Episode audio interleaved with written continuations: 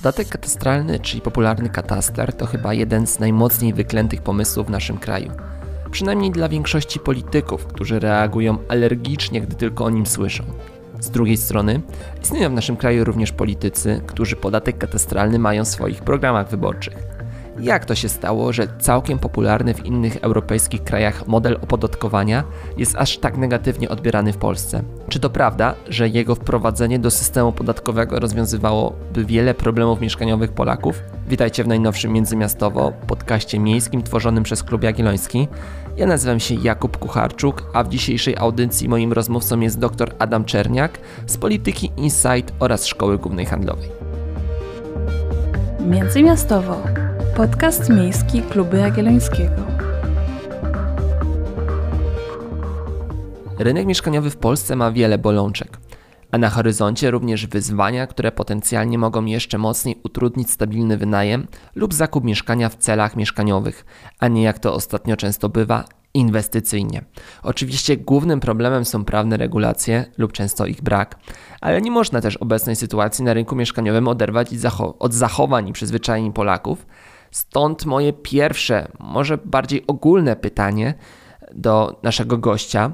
Jak postrzegane jest mieszkanie jako lokal, budynek w Polsce i czy Pana zdaniem jest to słuszne postrzeganie? Dzień dobry, bardzo dziękuję za, za zaproszenie. Od razu to pierwsze pytanie to, to jest takie duże, w zasadzie całą rozmowę moglibyśmy poświęcić na, na odpowiedź na nie, ale wiem, że mamy dyskutować o podatku katastralnym, więc postaram się tutaj dosyć e, zwięźle wypowiedzieć na temat tego, jak Polacy postrzegają mieszkania, chociaż jest to problem bardzo złożony, wielowątkowy i, mm, i można tutaj także bardzo wiele danych e, na ten temat przywołać. Mm, pierwsza kwestia, na którą chciałbym zwrócić uwagę, to to, że postrzeganie mieszkania przez Polaków w ostatnich e, kilku dekadach bardzo mocno ewoluuje. E, kiedyś mieliśmy w Polsce taki model typowo rodzinny, bym powiedział, czyli mieszkanie i w ogóle nieruchomości były postrzegane jako dobro rodzinne, czyli coś, co jest przekazywane z pokolenia na pokolenie. A tutaj znamy taką nazwę staropolską ojcowizna, czyli ziemia odziedziczona po rodzicach. I to właśnie tak e, mieszkania, domy, a nawet e, grunty orne postrzegaliśmy przez długi czas. W zasadzie tego się nie wyceniało. Nie mówiło się, ile, jaką to ma wartość, co do złotówki. Raczej było to właśnie takie postrzeganie e, pod kątem wartości subiektywnej, czyli jakie ma to dla mnie znaczenie rodzinne, tu się wychowałem, tu była miejscowość, z której pochodzę i faktycznie niektóre nieruchomości, nawet y, mające większą wartość ekonomiczną, były z kolei traktowane y, jako mniej ważne, ponieważ na przykład były jakimś dodatkiem czy e, czymś odziedziczonym mm, po, po jakiejś dalekiej e, ciotce, przez co miały mniejszą wartość na przykład sentymentalną czy czy społeczną. Natomiast to zaczęło się powoli zmieniać wraz z nastaniem w Polsce kapitalizmu, wraz z prywatyzacją e, zasobów e, mieszkaniowych i wraz przede wszystkim z pojawieniem się rynku mieszkań. No bo w momencie, w którym zaczęliśmy móc swobodnie e, sprzedawać i kupować nieruchomości, i to na dużą skalę w naszym kraju, no to coraz bardziej zaczęliśmy sobie uświadamiać to, ile mieszkanie kosztuje, czy możemy na nim zarobić, czy możemy je wynająć, jaki dochód możemy z tego mieszkania czerpać. Więc w rezultacie zaczęliśmy myśleć o mieszkaniach coraz bardziej w kontekście ekonomicznym. Do tego później w latach 2000 doszła możliwość e, zakupu mieszkań na kredyt hipoteczny. No i tutaj również w momencie, w którym kupowaliśmy mieszkań, teraz, że była wycena. Po drugie, patrzyliśmy także na cenę tego mieszkania w relacji do kwoty kredytu. I tutaj um, wielu Polakom zmiany cen ich nieruchomości uświadomiło, to, co działo się z kredytami tak zwanymi frankowymi, tak? czyli tam, że kredyt, wartość kredytu rosła, cena mieszkania rosła, ale cena mieszkania rosła wolniej niż wartość kredytu. W rezultacie nawet sprzedaż mieszkania nie pozwalała na spłacenie całości zobowiązania wobec banku. Więc e, mieszkania zaczęły być coraz bardziej traktowane jako mm, dobro e, towarowe, tak? czyli były, jak to mówią socjolodzy, coraz bardziej utowarowione. Natomiast e, to dotyczy tylko części mieszkań. czy części domów. Większość jednak wciąż e, nieruchomości w Polsce nigdy nie podlegała wycenie, nigdy nie podlegała um, wymianie handlowej, czy też nie stanowiła przedmiotu zabezpieczenia kredytu hipotecznego. Ile to jest procent? Bardzo ciężko powiedzieć. Takich danych akurat e, nie mamy. Ja się spodziewam, że pomiędzy 60 a 80% e, wszystkich nieruchomości, łącznie z domami, właśnie w Polsce nigdy nie zostało wycenionych i wciąż stanowi w percepcji ludności takie dobro rodzinne, czyli coś, co się ma po prostu i o czym się nie myśli w kontekście rynkowym, sprzedaży, najmu, e, zamiany czy zabezpieczenia hipotecznego. Właśnie, 60-80% w skali całego kraju, a gdybyśmy mieli sytuację, tylko pod lupę wziąć te największe miasta, tutaj pewnie sytuacja jest lekko odmienna. Tutaj domów jednorodzinnych, które raczej są gorzej sprzedawalne, przynajmniej były do tej pory, są też e, bardziej wartościowe w dużych miastach, e, jest mniej, a więcej jest mieszkań, czy to lokali budowanych w czasach e, PRL-u, czy też oddawanych w ostatnich dekadach przez prywatnych deweloperów. No i właśnie, czy tutaj ten rynek jest bardziej utowarowiony i tutaj mamy jakby większą świadomość e, tego, jakim towarem jest mieszkanie, czy też niekoniecznie, czy też tutaj są mieszkania, które od lat pozostają jakby tą ojcowizną i również nie są wyceniane, nie są obecne na rynku? Tutaj te proporcje pewnie są odwrotne niż e, gdybyśmy spojrzeli na całą Polskę, ale to nie oznacza, że wszystkie mieszkania tutaj są utowarowione. Nagrywamy się na warszawskiej Ochocie i tu jest taka dzielnica właśnie, która bardzo dobrze to pokazuje, że nie wszędzie te mieszkania są utowarowione. To jest przede wszystkim starsze budownictwo, budownictwo z okresu międzywojnia. Akurat ta dzielnica nie została w Warszawie zniszczona. Mm, tutaj e, nastąpiła duża prywatyzacja tych mieszkań w e, w początkach III Rzeczpospolitej i e, te mieszkania bardzo często nigdy nie podlegały e, sprzedaży czy, e, czy zakupowi. Mimo nawet tego, że ta dzielnica jest bardzo bliska centrum, dojazd stąd e, do dworca, no, sam pan przyjechał, no to 10 minut, 15 minut jak są korki i jesteśmy w samym centrum miasta, jest dzielnicą drogą. Więc w rezultacie bardzo dużo osób, które tutaj jest, które są w większości osobami starszymi, często już na emeryturze, um, to są osoby, które nie mają świadomości wartości ich nieruchomości. Te nieruchomości tutaj kosztują 600 tysięcy, 800 tysięcy, milion, może nawet i więcej e, w najlepszych lokalizacjach, a mimo to osoby, które mieszkają, często mają problem z tym, żeby wiązać koniec z końcem. Więc one są bardzo majętne, byśmy liczyli tutaj to wyłącznie od strony ekonomicznej, ale bynajmniej bardzo majętnymi się nie czują, no bo właśnie ich dochody są dosyć niskie, mimo to, że użytkują bardzo drogie mieszkania i często nawet nie mają świadomości, ile ich mieszkanie jest warte. Więc te problemy w dużych miastach wciąż są, zwłaszcza w starszych dzielnicach, natomiast oczywiście te proporcje są odwrotne niż w całej Polsce. Doskonale też wiemy z różnych raportów sytuacji na rynku mieszkaniowym, że te ceny szybują e, nie tylko w największych miastach, ale również w tych średnich, więc ta sytuacja, ten pierwszy model, o którym Pan powiedział, że 60 nawet 80% e, mieszkań domów jest jakby niewyceniana, nie jest urynkowiona, może niekoniecznie jest zła, ale na pewno determinuje tą sytuację na rynku. To, że w takich końskich, Piotrkowie Trybunalskim czy innych średnich lub mniejszych miastach, które mają spore problemy gospodarcze, wielu ludzi z nich wyjeżdża, wciąż nie da się kupić mieszkania w cenach choćby przekładając to na zarobki, jakie panują, jakie są w tej miejscowości, czy nawet na to, że jednak atrakcyjność e, takiego miasta w stosunku do dużego jest jednak mniejsza, przynajmniej dla, dla większości tych, którzy się wyprowadzają. Tak? Nawet ci, którzy chcieliby tam wrócić albo chcieliby tam zamieszkać, mają olbrzymie problemy, żeby tam takie mieszkanie nabyć, a jeżeli już e, się udaje, takie inwestycje powstają, to podobnie jak w dużych miastach często wykupywane są jeszcze dziury w ziemi tak zwane. Mm, no ale chciałbym zapytać, jak ta sytuacja, właśnie ten to 60, 70, 80% mieszkań, które nie są e, wycenione, wpływa na całość sytuacji na rynku mieszkaniowym? Jak to się przekłada na zachowania deweloperów, zachowania mieszkańców, e, bo oczywiście nawet jeżeli mówimy o tych dużych liczbach, czyli ilu Polaków ma swoje mieszkania, jaki jest przypadać średni metraż e, na, na statystycznego Polaka, no to już tam wypadamy słabo, tak? A jak jeżeli jeszcze, jeżeli, jeszcze to, że e, wielu mieszkań nie jest dostępnych, wpływa na całość, na sytuację na rynku? No skutek tego dualizmu na rynku mieszkań, czyli tego, że część jest wyceniona, część podlega wymianie handlowej, handlowej, często dość regularnie, co kilka lat, i tego, że spora część, większość w skali kraju mieszkań nigdy nie podlegała wymianie handlowej, mm, skutków tego jest wiele. Ale tutaj w tej rozmowie chciałbym zwrócić uwagę na dwa podstawowe. Pierwszy to jest kwestia sztywności podaży mieszkań na rynku wtórnym. Jeżeli my nie postrzegamy mieszkania, E, w którym na przykład się urodziliśmy, czy domu, w którym się urodziliśmy, jako towaru, to bardzo często jest tak, że nawet w momencie, w którym wyprowadzamy się z naszej rodzinnej miejscowości, takiej mniejszej, średniej, tutaj e, kilka nazw e, pan podał przed momentem, to my często to mieszkanie zachowujemy dla siebie, bo to jest nasze, sentymentalne. I nie myślimy o tym, żeby je na przykład wynająć, w momencie, w którym chcemy się przeprowadzić do dużego miasta, bo boimy się, że nam lokator zniszczy, albo się nie wyprowadzi, albo to będą problemy, się na tym nie znamy.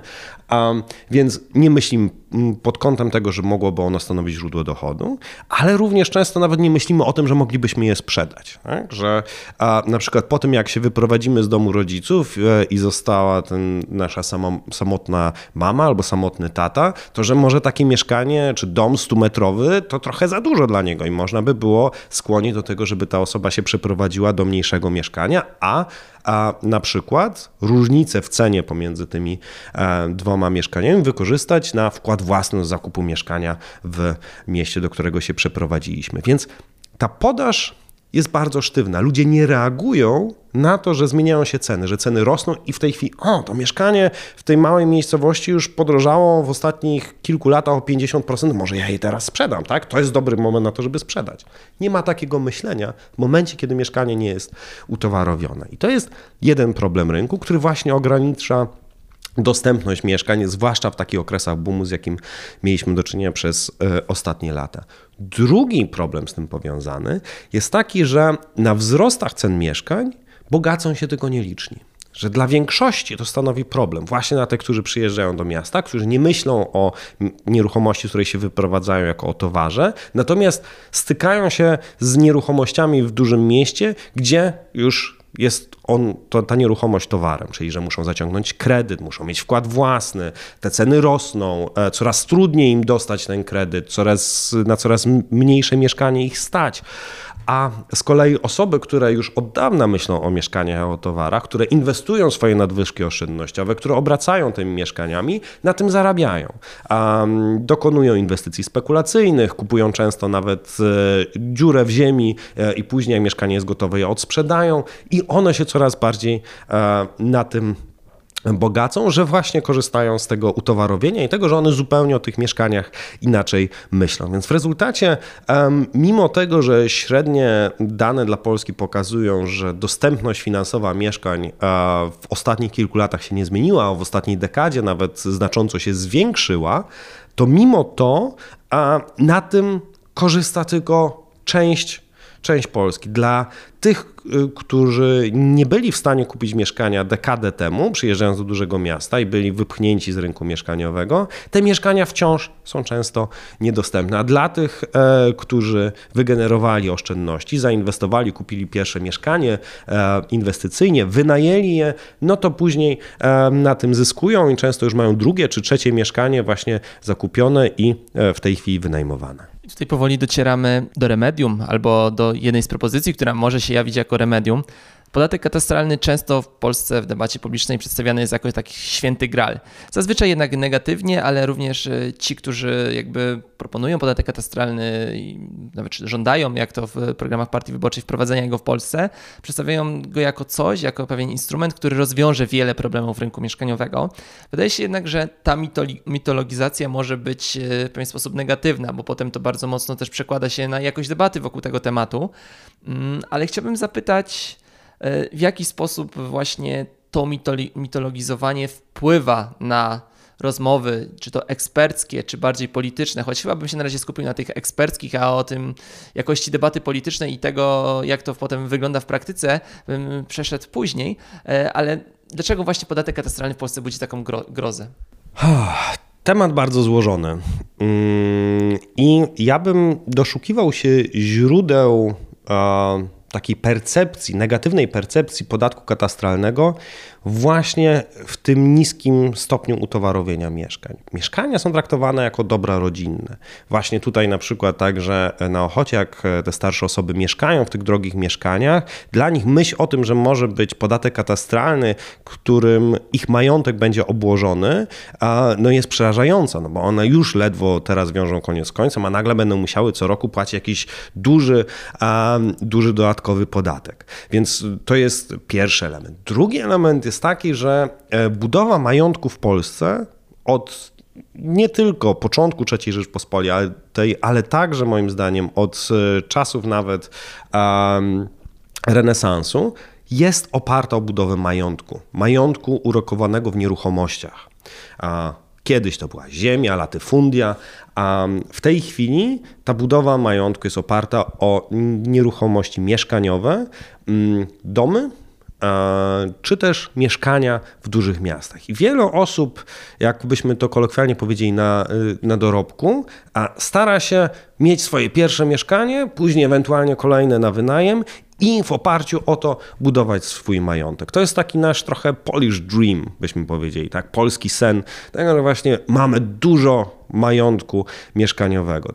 Zresztą to widać także w takich e, przekazach ustnych, jakby to mm, etnografowie e, powiedzieli, że my jesteśmy do tego majątku przywiązani nie tylko mm, ze względów takich czysto ekonomicznych, ale także ze względów społecznych. Polska niestety jest krajem bardzo doświadczonym przez wojny, rozbiory, przez e, no właśnie okres także um, komunizmu, e, który, który tutaj spowodował dużo zamieszania w sferze instytucjonalnej, także norm społecznych, mm, przetasowań klasowych i w zasadzie jedyna rzecz, która była stała w całej tej historii, to, było właśnie, to była właśnie własność. Niezależnie od tego, jakie się przetoczyły e, przez nasze ziemię wojska, jacy politycy nami rządzili, to koniec końców ta własność generalnie była uznawana za pewną świętość. Właśnie własność nieruchomości, nieruchomości mieszkaniowych, nieruchomości ziemskich, bo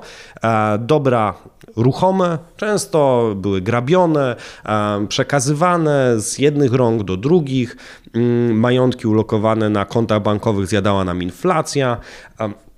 Więc to nie, to nie, było, to nie był sposób na, na majątek. Inwestycje firmy też nie, posiadanie przedsiębiorstw e, w przeciwieństwie do tego, co było w Niemczech czy we Francji, też nie dawało często bezpieczeństwa w okresie zawirowań historycznych. Natomiast własność mieszkaniowa y, takowe zabezpieczenie dawała i stąd często nawet młodzi ludzie przyjeżdżający do miasta często słyszą od swoich e, dziadków, słuchajcie, ale kupcie najpierw mieszkanie, miejcie coś tam swojego. I taki przekaz e, myślę, że e, jest obecny w bardzo wielu polskich rodzinach.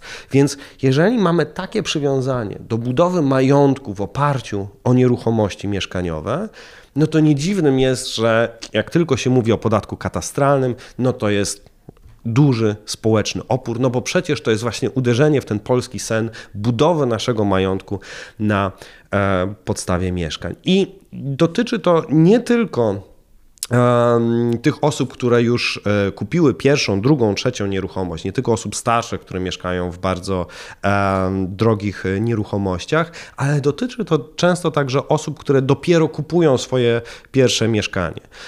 Nawet jeżeli nie myślą o tym, że zapłacą wysoki podatek katastralny za to pierwsze mieszkanie, to oni jednak marzą o tym, że kiedyś zostaną tymi właścicielami mieszkań, którzy będą wynajmować. Że w zasadzie w marzeniu większości osób jest to, żeby mieć jedno mieszkanie dla siebie i jedno mieszkanie inwestycyjne, albo nawet kilka mieszkań inwestycyjnych. To jest właśnie takie, takie marzenie. Więc nawet dla tych osób, niekoniecznie ze względu na własną kondycję finansową, podatek katastralny jawi się jako coś niewłaściwego. Mm, podatek katastralny nie jest czymś niezwykłym w europejskich realiach. Występuje w różnych formach i czasem pełni odmienną funkcję, czy to w polityce mieszkaniowej, czy bardziej nawet polityce podatkowej. Mm, w których krajach Pana zdaniem kataster działa najlepiej czy można takie przykłady podać i czy któryś z tych krajów mógłby być wzorem dla Polski? O tym, jak ewentualnie prowadzić kataster w Polsce, jeszcze chciałbym później porozmawiać, ale właśnie, no bo tutaj słyszymy, że często argumenty Czesi mają podatek katastralny w Wielkiej Brytanii, w jakiejś formie występuje, również kilka innych krajów się pojawia. Czy jest taki kraj, który to zrobił najlepiej? Myślę, że nie ma e, odpowiedzi na tak postawione pytanie. Ja od lat zajmuję się mm, porównywaniem e, polityk mieszkaniowych, a w zasadzie modeli e, kapitalizmu mieszkaniowego, jak to w nauce nazywamy, czyli wszystkich rozwiązań instytucjonalnych w ramach modeli mm, funkcjonowania rynku mieszkaniowego w krajach wysoko rozwiniętych.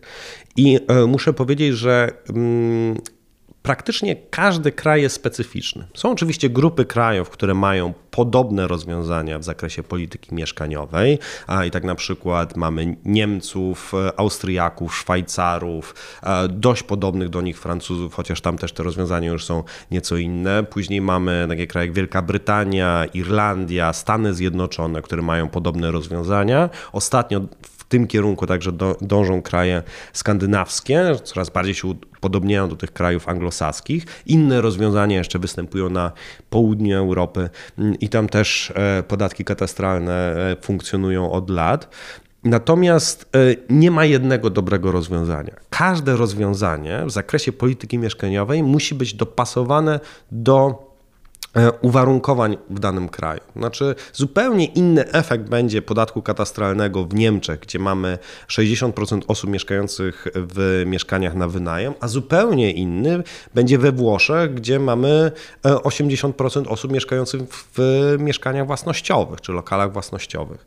Mm, I e, ten podatek katastralny musi być właśnie dostosowany do tego, jak wygląda struktura użytkowania mieszkań, do dążeń ludności. Już rozmawialiśmy tutaj sporo o tym, jak mieszkania są postrzegane to zdecydowanie musi być ujęte w, sposobie wprowadzenia podatku katastralnego, ale także tego, na jakim etapie rozwoju sam rynek e, mieszkań jest. Czy mamy do czynienia z niedoborem mieszkań, czy mamy do czynienia z przeludnieniem mieszkań, ile jest e, pustostanów, e, jak dużo jest inwestycji spekulacyjnych, kto te inwestycje prowadzi, czy to prowadzą firmy, czy to prowadzą osoby prywatne jak wygląda rynek najmu, jaki jest docelowy e, poziom, taki optymalny z perspektywy rozwoju mm, rynku mieszkaniowego, poziom rynku najmu. Na te wszystkie pytania musimy sobie odpowiedzieć, zanim opowiemy o tym, e, jaki podatek katastralny potrzebujemy. Więc zdecydowanie wolałbym uniknąć odpowiedzi, a słuchajcie, w Czechach zrobili to super, więc weźmy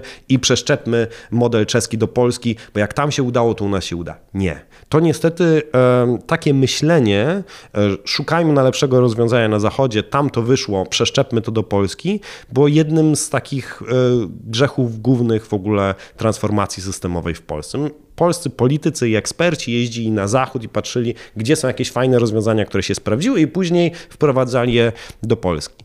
To niestety był duży błąd y, w ramach takiego projektu badawczego które, który prowadziłem ostatnio na SGH, my żeśmy to nazwali nawet modelem kapitalizmu patchworkowego. Także doprowadziło to nas do tego, że nasz system instytucjonalny, różnych rozwiązań legislacyjnych, instytucjonalnych jest właśnie takim zszyciem ład z różnych innych e, systemów e, zachodnioeuropejskich i niestety te łaty bardzo często się nie sprawdzają, tak jak mieliśmy, jeżeli chodzi o rynek mieszkaniowy, w przypadku e, zezwolenia na udzielanie kredytów w walutach obcych czy powiązanych z kursami walut obcych, które się kompletnie nie sprawdziło i wywołało do dzisiaj odczuwane problemy społeczne i ekonomiczne. To może tak jeszcze kończąc ten wątek europejski czy światowy, odwrócę pytanie, czy są kraje, które poniosły klęskę we wprowadzeniu podatku katastralnego, czy jest taki przykład, który może być przestrogą? Nie mam w głowie takiego przykładu. No, znaczy tu odpowiem, e, nie, nie widziałem kraju, który by podniósł na tym klęskę w krajach wysoko rozwiniętych. Problemy się pojawiały e, tak, ale w krajach rozwijających się Afryki czy Ameryki Łacińskiej, gdzie były problemy z dookreśleniem własności. E, I to, to jest de facto podstawą podatku katastralnego, jest to, żebyśmy mieli jasno określony podział własności. Bez tego pojawiają się, się problemy przy jego wprowadzaniu. Natomiast w krajach wysoko rozwiniętych nie, nie, nie przypominam sobie takiego przykładu e, kraju, który by to zrobił źle. W takim razie może przejdźmy do meritum, czyli do tego, jak ten podatek katastralny mógłby w Polsce wyglądać. Oczywiście abstrahując w tym momencie zarówno od sytuacji politycznej, e, może do tego przejdziemy, przejdziemy na koniec, trochę, trochę gdybając, ale jednak tak z perspektywy takiej eksperckiej, naukowej, w jaki sposób e, patrząc na te właśnie właściwości naszego rynku mieszkaniowego, nasz, również specyfikę naszego e, systemu podatkowego, w jaki sposób, w jakim kierunku powinniśmy podatek katastralny próbować. Oczywiście nie proszę pana o wskazanie całego modelu, ale jakie powinny być mniej więcej założenia? To zgodnie z tym, co powiedziałem, zanim odpowiem na to pytanie, musimy sobie dookreślić warunki brzegowe, czyli to, co chcemy osiągnąć tym narzędziem. Bo żadne narzędzie samo w sobie nie jest dobre. Jest dobre do rozwiązania jakichś określonych problemów i zawsze ma jakieś efekty pozytywne, jak i negatywne. I teraz tak, co byśmy chcieli osiągnąć, wprowadzając e, podatek katastralny w Polsce? No, pierwsza kwestia to wcale nie jest kwestia fiskalna, czyli dochodowa, tego, że jakby nagle musimy mieć więcej dochodów w budżecie, bo jeżeli to by miało być tylko i wyłącznie ten cel, to zdecydowanie odradzam wprowadzenie takiego podatku. W mojej ocenie podatek katastralny pozwoli na rozwiązanie kilku nawet tak, tam kilku bolączek polskiego rynku, albo przynajmniej złagodzenie ich negatywnych skutków. Rozmawialiśmy po pierwsze o tym, że dużo mieszkań, w ogóle nieruchomości mieszkaniowych w Polsce jest e, nieutowarowionych, czyli ludzie nawet nie wiedzą, jaka jest wartość tego mieszkania, albo przynajmniej nawet jak wiedzą, to jest to dla nich jakaś liczba na papierze, a nie jest to coś, co biorą pod uwagę przy projektowaniu swojego domowego budżetu czy, czy wzrostu majątku w przyszłości. I taki podatek katastralny, który wiązałby się z tym, że po pierwsze samorządy musiałyby wycenić zasoby nieruchomości, czyli po prostu zbudować bazę danych katastru, która jest w tej chwili nieaktualna, a bardzo często wybrakowana, mm, miałyby wiedzę, ile jest nieruchomości, jakie są ich ceny i tę wiedzę przekazywałyby obywatelom pod postacią po prostu co roku wysyłanego listu. Pana, pani nieruchomość jest warta tyle i tyle. Na podstawie ustawy takiej i takiej e, wyliczamy podatek na kwotę taką. Po pierwsze, wiązałoby się to z koniecznością opłacenia tego podatku. I po drugie, ludzie by zastanawiali, a dlaczego ten podatek mi wzrósł od zeszłego roku? Tak? Czy podnieśli podatki? Nie, nie podnieśli podatków. To moja nieruchomość podrożała. To może jednak, jeżeli muszę w tej chwili od niej płacić wyższy podatek, to może już e, w tej chwili nie będę dalej jej trzymał jako pustostan, bo mam duży do niej sentyment, ale może właśnie ją zacznę e, wynajmować. Więc to jest pierwsza kwestia, którą myśmy rozwiązali. Kwestia, która ma właśnie dwa wątki. Jedna, jeden wątek to świadomości samorządów, która jest stosunkowo niska, jeżeli chodzi o ich zasoby czy zasoby nieruchomości znajdujące się mm, w ich jurysdykcji. I druga świadomości, świadomości obywateli. A kolejna kwestia, którą e, podatkiem od nieruchomości, e, przepraszam, no tak, podatkiem od nieruchomości, tym katastralnym możemy rozwiązać, to jest kwestia um, zwiększenia dostępności mieszkań, czy uelastycznienia e, podaży mieszkań wraz ze wzrostem cen.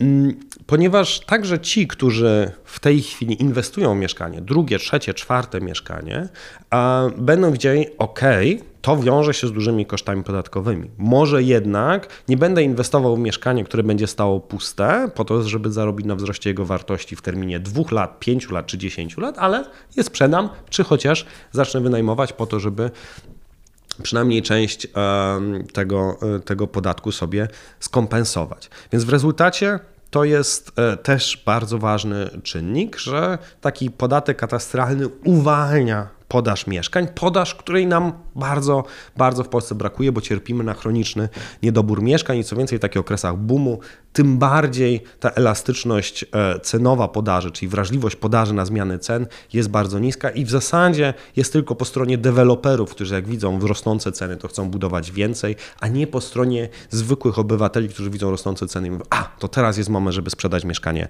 na przykład po babci. I to jest e, druga kwestia, którą, e, którą byśmy takim podatkiem katastralnym rozwiązywali. Ale oczywiście jest szereg innych warunków brzegowych, na, których, na które musimy zwrócić uwagę. Pierwsza kwestia e, podstawowa to jest ochrona właśnie osób, które do tej pory miały te mieszkania w głowie swojej nieutowarowione, nie wiedziały jaka jest ich wartość, a często mają problem z tym, żeby wiązać koniec z końcem. I takie osoby by nagle musiały płacić podatek w wysokości ich emerytury, no to by miały poważny, poważny problem finansowy. Więc te grupy społeczne musimy ochronić. My nie, jest, nie możemy wprowadzić podatku katastralnego w taki sam sposób, jak wprowadzamy na przykład podatek cukrowy. No, no proszę bardzo, 1 stycznia płacicie trzy razy więcej za mieszkanie. No nie. Tak jakby to się nie uda. Znaczy, raz, że będzie oczywiście opór społeczny i polityczny, ale dwa, nie przyniesie to korzyści społecznych, ponieważ bardzo wielu osobom e, to wyrządzi krzywdę. Mogą nawet pokusić o takie stwierdzenie, że więcej osób na tym straci społecznie, niekoniecznie ekonomicznie, społecznie niż, niż zyska. Więc musimy ochronić grupy wrażliwe, musimy je najpierw zidentyfikować, a później w ten sposób określić parametry podatku katastralnego, żeby one były chronione. Jak to można zrobić?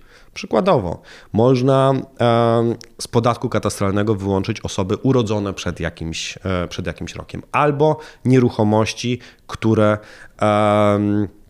nie zmieniły właściciela od 10 czy 15 lat, albo od w ogóle początku transformacji systemowej, tylko te nowe nieruchomości. I przy zmianie właściciela nie mówię tylko o wymianie handlowej, czyli tego, że ktoś kupił, sprzedał, ale mówię także o dziedziczeniu. Więc jak ktoś odziedziczył mieszkanie w, ostatnim, w ostatnich 30 latach, to jego już na przykład podatek katastralny mógłby objąć. Ale żeby na to pytanie odpowiedzieć, to musielibyśmy najpierw wiedzieć właśnie, gdzie są te grupy, jakie są E, cechy ekonomiczno-społeczne tych grup po to, żeby, żeby je ochronić.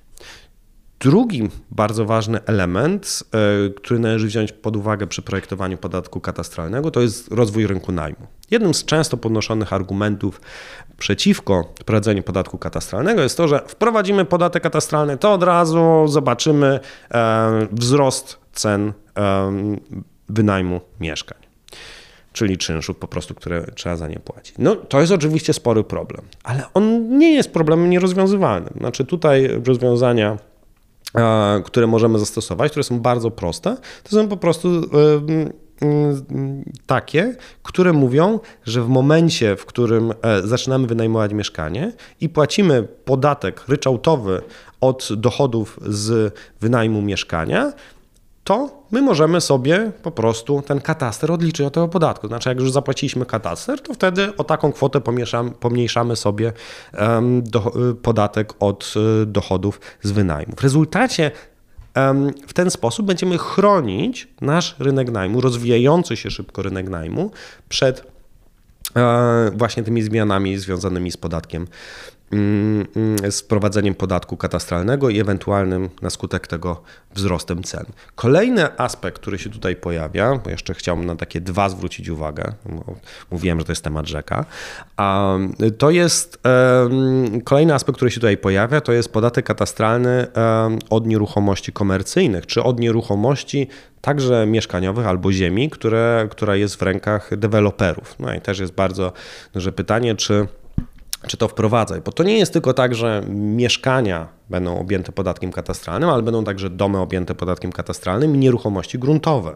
Więc to jest jakby e, cały zbiór e, wszelakich nieruchomości i ważne, żeby się zastanowić, w jaki sposób ten podatek wprowadzać w przypadku deweloperów. Myślę, że wprowadzenie te, tego typu podatku zwiększyłoby efektywność zarządzania gruntami w dużych miastach, bo niektórzy deweloperzy mm, chociaż są to przypadki skrajne, ale jednak widoczne na rynku, kupują często ziemię, e, wkładają ją do swojego banku ziemi i czekają na jeszcze wyższe ceny. Po to właśnie, żeby a, nie przesadźmy z tą podażą, bo w pewnym momencie może być tak, że jak za dużo tego wybudujemy, to wtedy ludzie nie będą, e, nie będą chcieli tego kupować, bo po prostu podaż będzie za duża, więc trzymają tę ziemię, a taki podatek katastralny mógłby ten element rozwiązać, tylko znowuż tu trzeba go zaprojektować w ten sposób, żeby z kolei nie zniszczyć e, e, rynku deweloperskiego w dużych miastach i jeszcze uwzględnić kwestie budownictwa na cele komercyjne, galerie handlowe, biurowce, magazyny i kwestie budownictwa mieszkaniowego. Ostatnim wątkiem, e, który chciałem do tej całości dorzucić, to jest rola podatku katastralnego w e, planowaniu przestrzennym. Paradoksalnie ten instrument, co się rzadko robi, e, ale w Polsce można by było wykorzystać jako pewien stymulant do szybszego, do szybszego wdrażania planów zagospodarowania przestrzennego. Czyli mianowicie w momencie, w którym wprowadzamy podatek katastralny w naszym kraju, podatek ten idzie do zasobów samorządu lokalnego tylko i wyłącznie w sytuacji, w której na danym terenie jest plan zagospodarowania przestrzennego. Jeżeli tego planu nie ma, to ten podatek katastralny idzie do budżetu centralnego i stamtąd jest finansowana na przykład budowa mieszkań komunalnych albo dopłaty e, do mieszkań dla osób e, o niskich dochodach, na przykład dopłaty do wynajmu.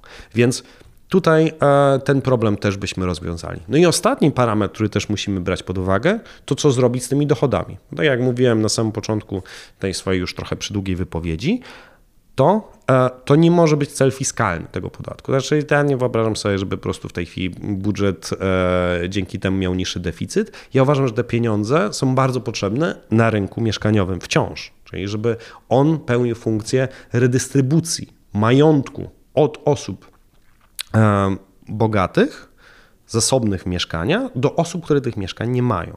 Więc środki z tego podatku powinny być przeznaczone na rozwój budownictwa komunalnego, a także rozwój budownictwa socjalnego, czyli dla osób o średnich, średnio niskich dochodach, tak, bo osoby najniższych dochodach to dla nich jest rynek mieszkań komunalnych przeznaczony, a osoby o średnio niskich dochodach powinny uzyskiwać dopłaty e, od państwa, albo też dopłaty powinny trafiać do deweloperów pod warunkiem, że będą budować określone mieszkania w określonych lokalizacjach, które właśnie będą sprzyjać zwiększeniu dostępności mieszkaniowej.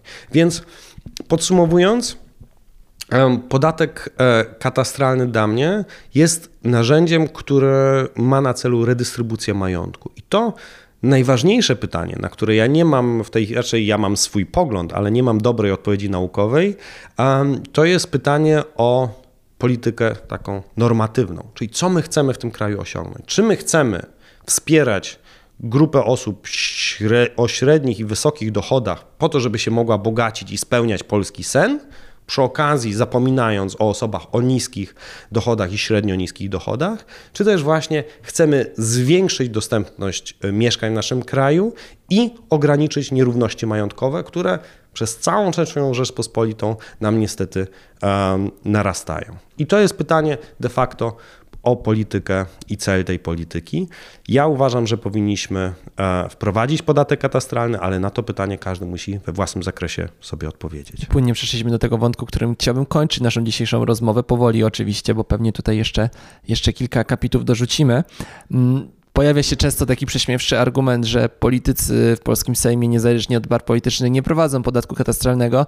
Prawie wszyscy mają mieszkanie na wynajem i im się to osobiście nie opłaca, nie patrząc z perspektywy jakby interesu państwa, ale z własnej osobistej perspektywy.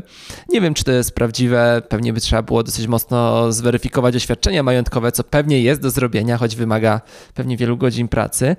Ale jednak powstaje pytanie, kto w Polsce na takim podatku katastralnym, jaki pan przedstawił, najwięcej straci? Mm, no zdecydowanie najwięcej stracą grupy zamożne. E, I tutaj używam słowa zamożne w kontekście majątku, a nie dochodu. Bo um, proszę pamiętać, że podatek katastralny jest podatkiem majątkowym. My w zasadzie w Polsce nie mamy podatku majątkowego. To znaczy, do tej pory my żeśmy opodatkowali, coraz mocniej opodatkowujemy e, dochody z różnych źródeł, od dochodów z inwestycji na giełdzie po dochody z pracy, natomiast nie opodatkowywaliśmy majątku majątku, który w większości jest ulokowany w mieszkaniach. Taka e, ciekawa rzecz, której większość ludzi nie zdaje sobie sprawy i nie czuje, to to, że polskie gospodarstwo domowe jest bogatsze niż gospodarstwo domowe w Niemczech. No może być się wydaje, że no przecież Niemcy tacy bogaci, my stale chcemy do tych Niemców dojść. My już ich dawno przegoniliśmy. Dlaczego? Dlatego, że Niemcy nie mają mieszkań na własność. Mieszkania stanowią własność samorządów, funduszy międzynarodowych czy jakichś podmiotów partnerstwa publiczno-prywatnego. Polsce mamy mieszkania na własność, mam majątek i ten majątek niestety z roku na rok coraz bardziej nam się rozwarstwia. Bogaci są coraz bogaci, biedni wciąż nie mają dostępu do mieszkań, wciąż e, muszą ledwo co wiązać koniec z końcem, e, żeby mm, mieszkanie na rynku wynająć, e, czy też e, użytkować je w ramach zasobów e, komunalnych, do których są też bardzo długie kolejki, przypomnijmy o tym. Więc na pewno stracą te osoby, które mm, potraktowały te mieszkania jako budowę swojego majątku i namnażanie tego, tego majątku, bo de facto e, opodatkowanie mieszkań w Polsce jest bardzo niskie ze względu na te wszystkie powody, o których mówiliśmy sobie wcześniej. Mm, e, tutaj mogę taką ciekawą anegdotę e, opowiedzieć o znajomym obcokrajowcu, który mieszkał w Singapurze, przyjechał do, do Polski i zaczął myśleć o tym, żeby kupić mieszkanie. I zaczął pytać, no dobra, ale jaki ja podatek katastralny muszę od tego odprowadzić? Jaki podatek od zakupu? I tak usłyszał, że prawie nic nie musi zapłacić. Mówi, dlaczego ja tutaj nie kupuję więcej mieszkań? Nie? To jest naprawdę raj na ziemi, jeżeli chodzi o budowanie majątku w oparciu o, o mieszkania. Bo okazuje się, że my nic nie płacimy. Dla obcokrajowców to, to jest szok. Z krajów z zachodnioeuropejskich naprawdę takie uwarunkowania jak w Polsce to jest raj inwestycyjny. Więc, e, więc ja sądzę, że tak jest, jak pan mówi, że spora część polityków ma mieszkania, e, duże e, własności ziemskie też. Dużo osób e, inwestuje w samą ziemię, w grunty orne, w ziemię pod przyszłą zabudowę, gdzie oni się spodziewają, że za 10-20 lat tamtędy będzie przechodziła autostrada albo miasto się rozwinie, więc to nie są tylko mieszkania same, to, są, to jest szereg różnego rodzaju gruntów, które należą do osób, które też często nie chcą ich sprzedawać. Mm, to są też grunty, które są w agencjach publicznych. Tak? Proszę o tym pamiętać pamiętać, że my nie rozmawiamy tylko o gruntach, które są własnością osób prywatnych. Y, y, mówi, mówiłem wcześniej o deweloperach, którzy mają swoje banki ziemi i dosyć um, ostrożnie się ich wyzbywają. Ale przecież y, czy to Agencja Mienia Wojskowego, czy uczelnie publiczne, przecież połowa Ursynowa stoi na ziemiach sprzedanych przez SGGW um, na początku transformacji. Mm, to są podmioty, które mają, mają grunty i które takim podatkiem byłyby objęte i one by na tym e, dość mocno straciły. Więc docelowo ja uważam, że podatek katastralny wprowadzany stopniowo, w różnym tempie dla e, podmiotów komercyjnych, w różnym tempie dla osób prywatnych, chroniący osoby starsze i chroniący osoby o stosunkowo niskim majątku, powiedzmy sobie poniżej 500 tysięcy czy poniżej 700 tysięcy, byłby narzędziem rozwiązującym szereg problemów, ale ze względu na właśnie interesy polityczne grup, które w tej chwili rządzą tym krajem, prawdopodobnie będą rządzić, bo zawsze niestety tak się to układa od zarania dziejów, że e, politycy i e, osoby z nimi powiązane to są osoby raczej bogate niż biedne. E, będą przeciwko takim rozwiązaniom. Stąd ja się nawet śmieję, e, że e, jedyny cykliczny komunikat Ministerstwa Finansów, który się pojawia, i to niezależnie od partii, to jest właśnie nie pracujemy nad wprowadzeniem podatku katastralnego. Widzę to regularnie, niezależnie od tego, kto akurat sprawuje w Ministerstwie Finansów władzę. Zawsze to jest taki bardzo alergiczny komunikat, y, gdzie widać, że są angażowani um, urzędnicy czy rzecznicy ministerstwa przez samą wierchuszkę i to partyjną, nierządową. Mm, no i na tym skończmy naszą dzisiejszą rozmowę. Naszym gościem był dzisiaj dr Adam Czerniak z Polityki Insight oraz Szkoły Głównej Handlowej. Do usłyszenia, dziękuję. Zachęcam Was do subskrypcji naszego podcastu międzymiastowo na wszystkich popularnych platformach streamingowych. Wtedy na pewno nie przegapicie kolejnego odcinka. Zachęcam Was również bardzo gorąco do udostępniania i finansowego wsparcia Klubu Jagiellońskiego. Na koniec oczywiście informacja ważna, bo produkcja tego odcinka została sfinansowana ze środków otrzymanych w ramach Programu Rozwoju Organizacji Obywatelskich na lata 2018-2030, których operatorem jest Narodowy Instytut Wolności Centrum Rozwoju Społeczeństwa Obywatelskiego. Jak dobrze wiecie, pozyskany grant pozwala nam rozwijać nie tylko nasz podcast już od dobrych kilku miesięcy, ale i inne działania w tematyce miejskiej na portalu Klubu Jagiellońskiego, do których zapoznaniem się gorąco Was zachęcam. Do usłyszenia. Międzymiastowo. Podcast miejski Klubu Jagiellońskiego.